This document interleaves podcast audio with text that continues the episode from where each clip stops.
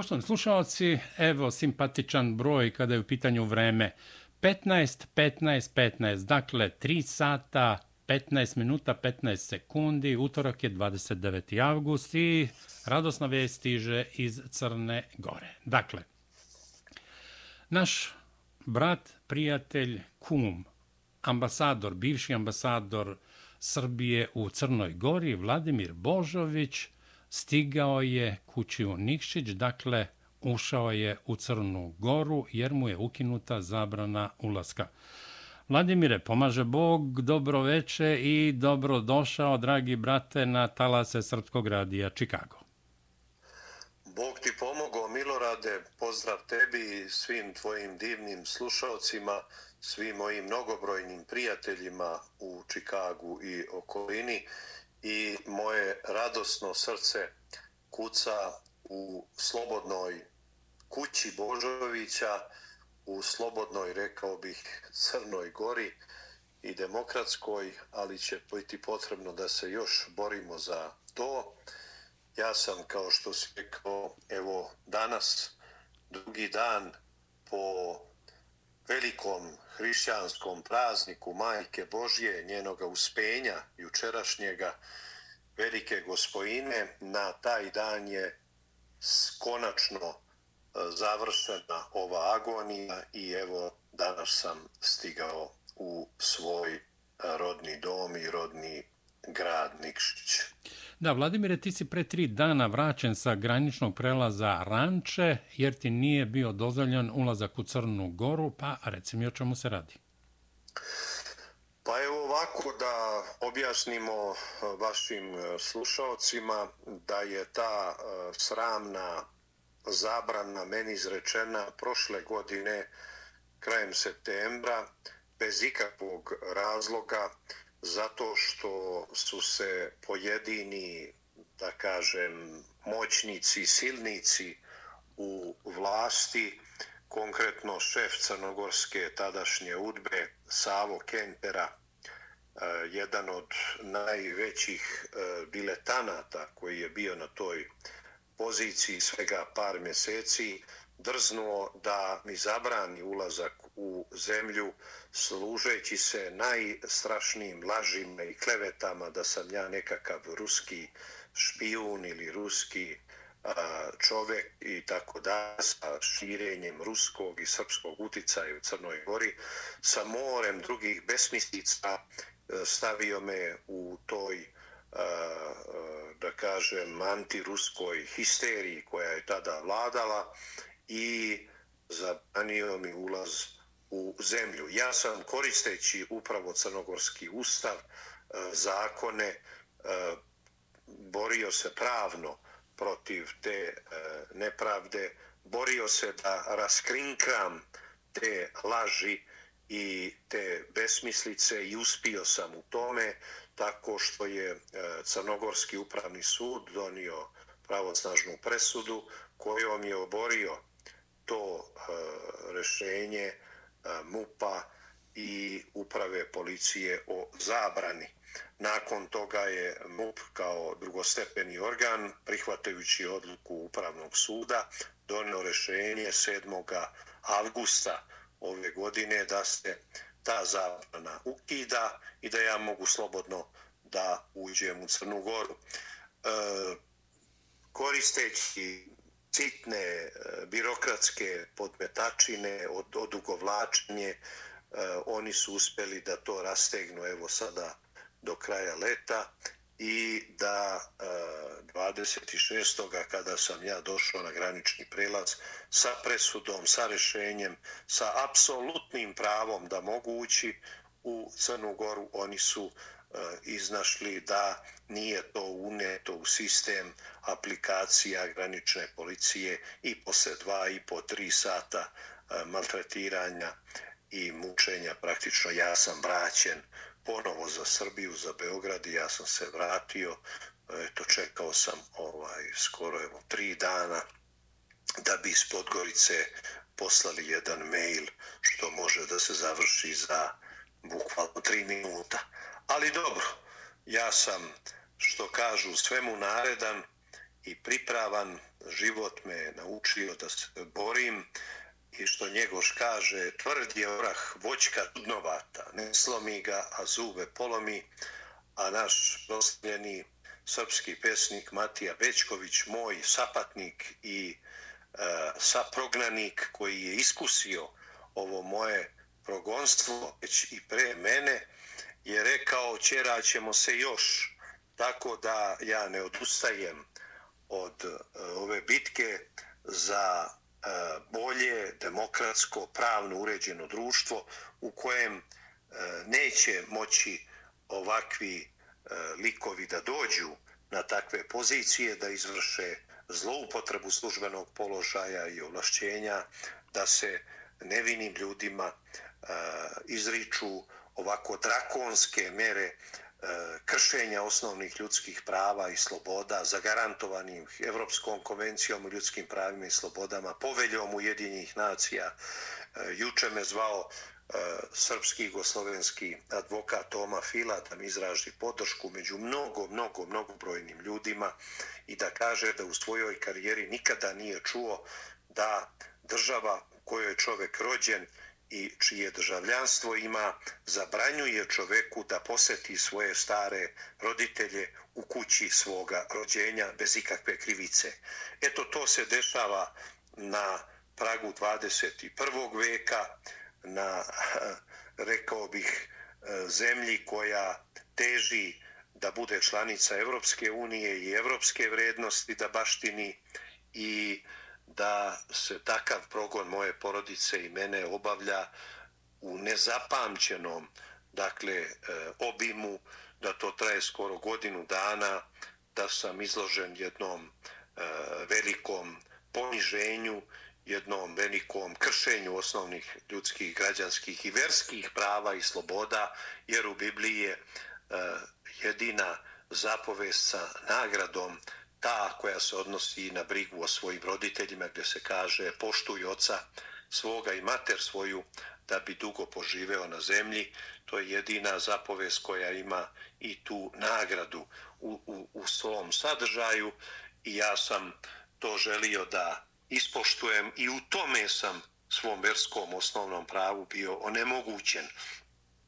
Naravno da pred tim crnogorskim nesojima i ološem neću ustuknuti, niti sam ustuknuo, već sam se hrabro borio i izborio ovu veliku pravnu, rekao bih i političku i moralnu pobedu i ja ovu pobedu osvećujem blaženo počivšem mitropolitom Filohiju, mom duhovniku i čoveku koji je ostavio neizbrisiv trag na moj život, a i naš je zajednički prijatelj Milorade Tako je. i moj i tvoj i mnogih ljudi koji slušaju ovaj divni radio i glasilo slobode, glasilo istine, ljubavi i koji podržavaju, siguran sam ono što ja radim, a to je da hrabro se borim za principe, borim se za kršćasni, za slobodu zlatnu, borim se za obraz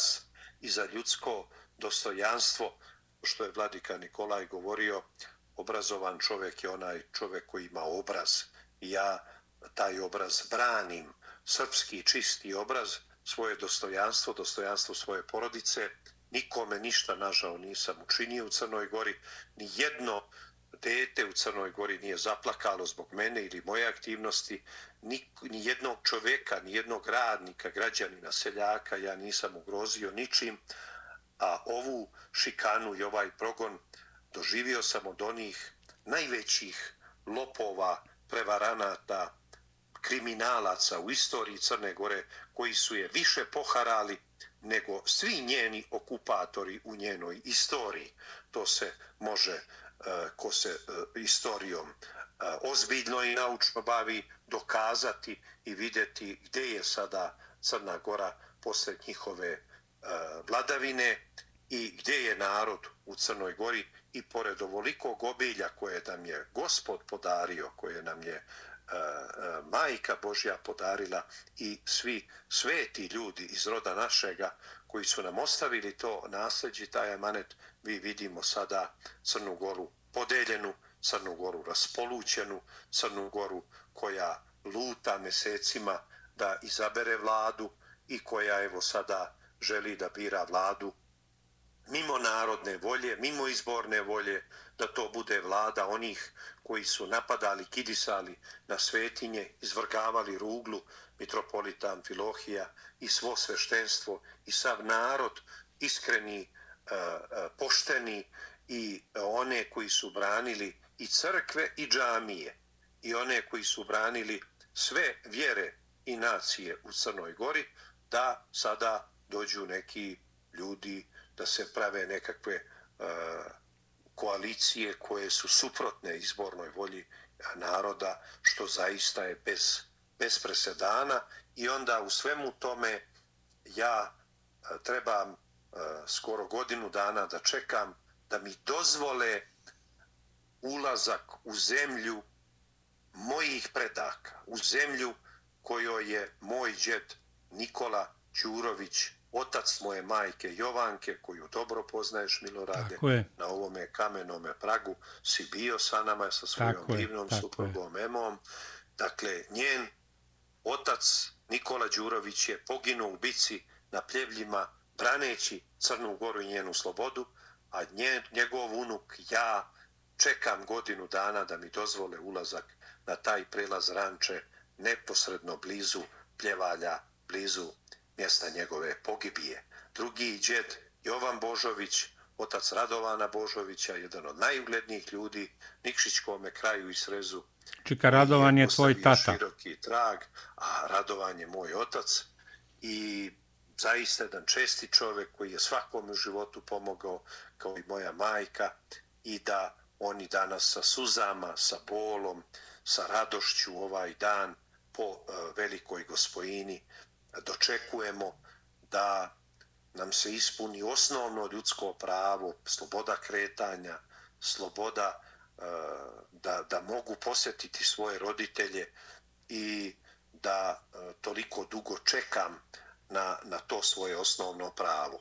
Zaista, e, bez, bez primjera, bez presedana, hvala ti puno na tome što to želiš da preneseš našim divnim ljudima u rasejanju, u Čikagu. Ja sam zahvalan državi Srbiji, predsjedniku Srbije, ministru spoljnih poslova, koji su zaista e, bili uz mene ovo vreme stradanja i moju porodicu, mnogobrojnim medijima Srbije, Crne Gore, Republike Srpske, našoj crkvi, našem patrijarhu Porfiriju, mnogobrojnom sveštenstvu, monaštvu, e, ljudima koji su se molili za mene ovdje u Ostroškoj svetinji, uh, igumanu i, i bratstvu manastira i mnogim bratstvima, mnogih manastira koji su mi upućivali podršku, jer zaista, uh, Milorade, ovo nije bila te, nimalo laka borba, ovo je bila jako teška borba. Svedok sam borba. toga, svedok. Svedok si toga, uh, Milorade, da, da sam proživio jednu neviđenu uh, nepravdu, jednu, jednu e, tešku šikanu, jednu teško e, maltretiranje e, starih roditelja, moje porodice, da ne mogu sa svojim sinom da obiđem svoga oca, ne, ne mogu da provedem e, odmor sa, sa svojom porodicom, da, da sam skoro e, čitavu godinu i leto bio u Beogradu, a moja porodica supruga i sin su bili, došli su kod mojih roditelja, a ja nisam mogao biti sa njima. Da, Vlado. Što je osnovno ljudsko pravo.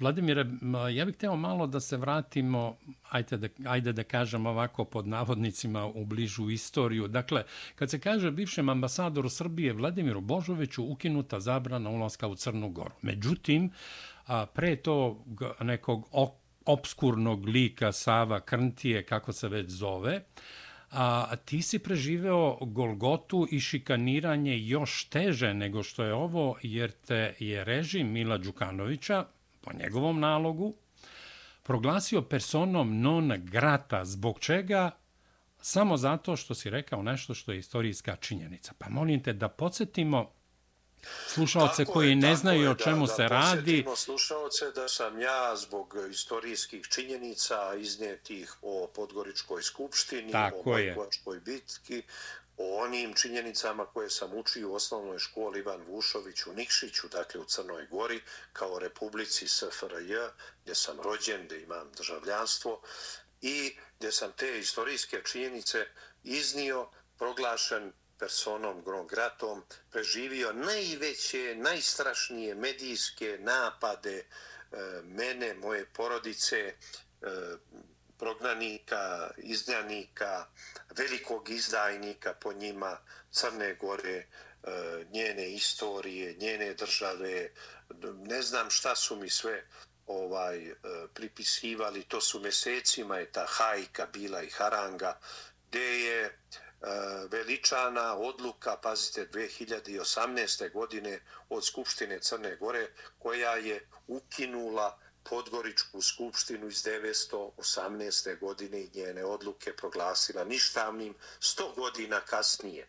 To je takav pravni i politički nonces. I prekrajanje istorije. Prekrajanje istorije. Da li se uh, sviđa mene neki događaj iz istorije ili ne, to je potpuno drugo pitanje. Ja sam čak i rekao da Podgorička skupština predstavljala izraz slobodne volje tadašnjeg naroda i tadašnjih plemena, da li se sa svim odlukama te Podgoričke skupštine ja danas ove distance slažem ili ne, to je posebno drugo pitanje, ili da li su te stvari i događaji mogli biti drugačije, naravno da jesu, da li sam ja lično želeo da ti događaji budu drugačije, da posle majskog prevrata, možda i posle razmišljanja da kralj Nikola bude taj koji bi bio kralj ujedinitelj, da mu Aleksandar bude njemu prestalo nasljednik i tako dalje, ali to je, to je priča šta bi bilo kad bi bilo. Tako je. Ono što se desilo je istorija. Istorija se ne može prekrajati. Ja znam dobro grobove mojih predaka, tamo je uklesano koji su bili na Mojkovcu, koji su bili na Bregalnici, koji su bili na Brtanjolu, koji su bili na Skadru. Svuda su bili gdje, su se, gdje se branila sloboda, čast, ljudsko dostojanstvo, gdje se branio krščasni sloboda zlatna. A sada ljudi imamo situaciju da su pojedini pripadnici toga režima bivšega DPS-a i Mila Đukanovića dovodili majstore na grobove svojih predaka da mijenjaju natpise, da mijenjaju njihove e, e, zanimanja, da mijenjaju šta su oni bili, da prekraju istoriju. To je potpuno besprizorno. I u tom i u takvom e, dakle, okruženju ja sam proživio najveću moguću Golgotu i kao diplomata i kao ambasador Republike Srbije, a onda i kao običan čovjek i građanin da mi bude zabranjen ulazak u zemlju rođenja i mojih predaka i da mi bude zabranjeno da vidim svoje roditelje. Zaista bez presedana. Da, Vladimira, i pri samom kraju, koliko sam video u medijima, a tvoj povratak u Crnu Goru obeležili su uglavnom svi mediji, ne samo u Srbiji, nego i u Crnoj Gori, a, da si rekao da te premijer Dritan Abazović u tehničkom mandatu premijer i vršila s dužnosti direktora uprave policije Nikola Terzić obavestili da je zabrana izbrisana iz policijskog sistema i da su saopštili, odnosno da je Terzić saopštio da se radi o grešci jer to na vreme nije urađeno. Tako je, to se desilo sinoć. Ja sam bio u Beogradu, dakle, na sam praznik uspenja presvete Bogorodice, velike gospojine, se to desilo i ja sam Bogu zahvalan i, i majici Božjoj da se ipak to brzo završilo, jer se govorilo da to može trajati danima, nedeljama i tako dalje i to bi bilo dalje mrcvarenje i na kraju krajeva oni su time spasili pravosudni sistem i pravni poredak Crne Gore. Jer ako vi ne poštujete odluke sobstvene države koja je donijela država Crna Gora i odluke izvršne vlasti, u ovom slučaju Ministarstva unutrašnjih poslova Crne Gore, onda u kakvom mi pravnom poredku možemo govoriti o zemlji koja je kandidat za članstvo u Evropskoj uniji i evropsku porodicu naroda, gdje je prosto nezamislivo, vi Milorade dobro znate, ja sam bio u Washingtonu, u Senatu, u Kongresu, u State Departmentu, da.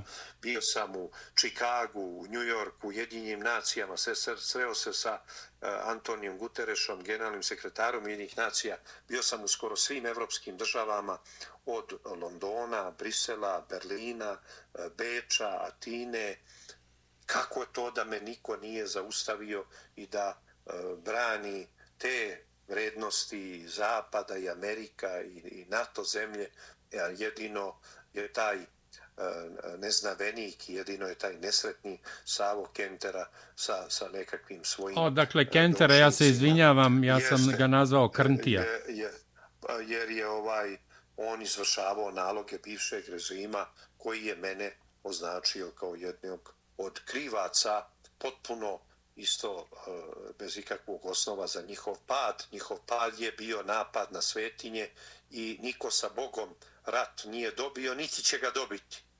Ja e, sam se danas Bogu zahvalio, majici Božoj Bogorodici, citirao Njegoša koji je za mene svetinja i o to opet vidim i po Twitteru i po drugim društvenim mrežama.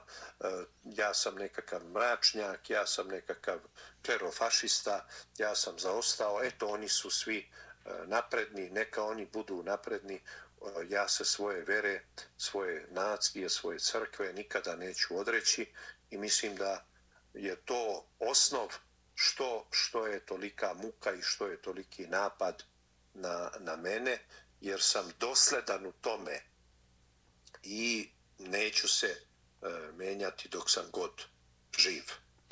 Vladimire, na samom kraju bilo bi možda i nepravedno da ne kažemo sledeće. Naime, ministar spoljnih poslova Srbije Ivica Dačić izjavio je juče da ponovna zabrana ulaska Vladimiru Božoviću, bivšem ambasadoru Srbije u Crnoj Gori, dakle zabrana ulaska u Crnu Goru, doskorašnjem ambasadoru Srbije u toj zemlji, predstavlja skandal na skandalima i pokazuje da Crna Gora ne želi normalizaciju odnosa sa Srbijom.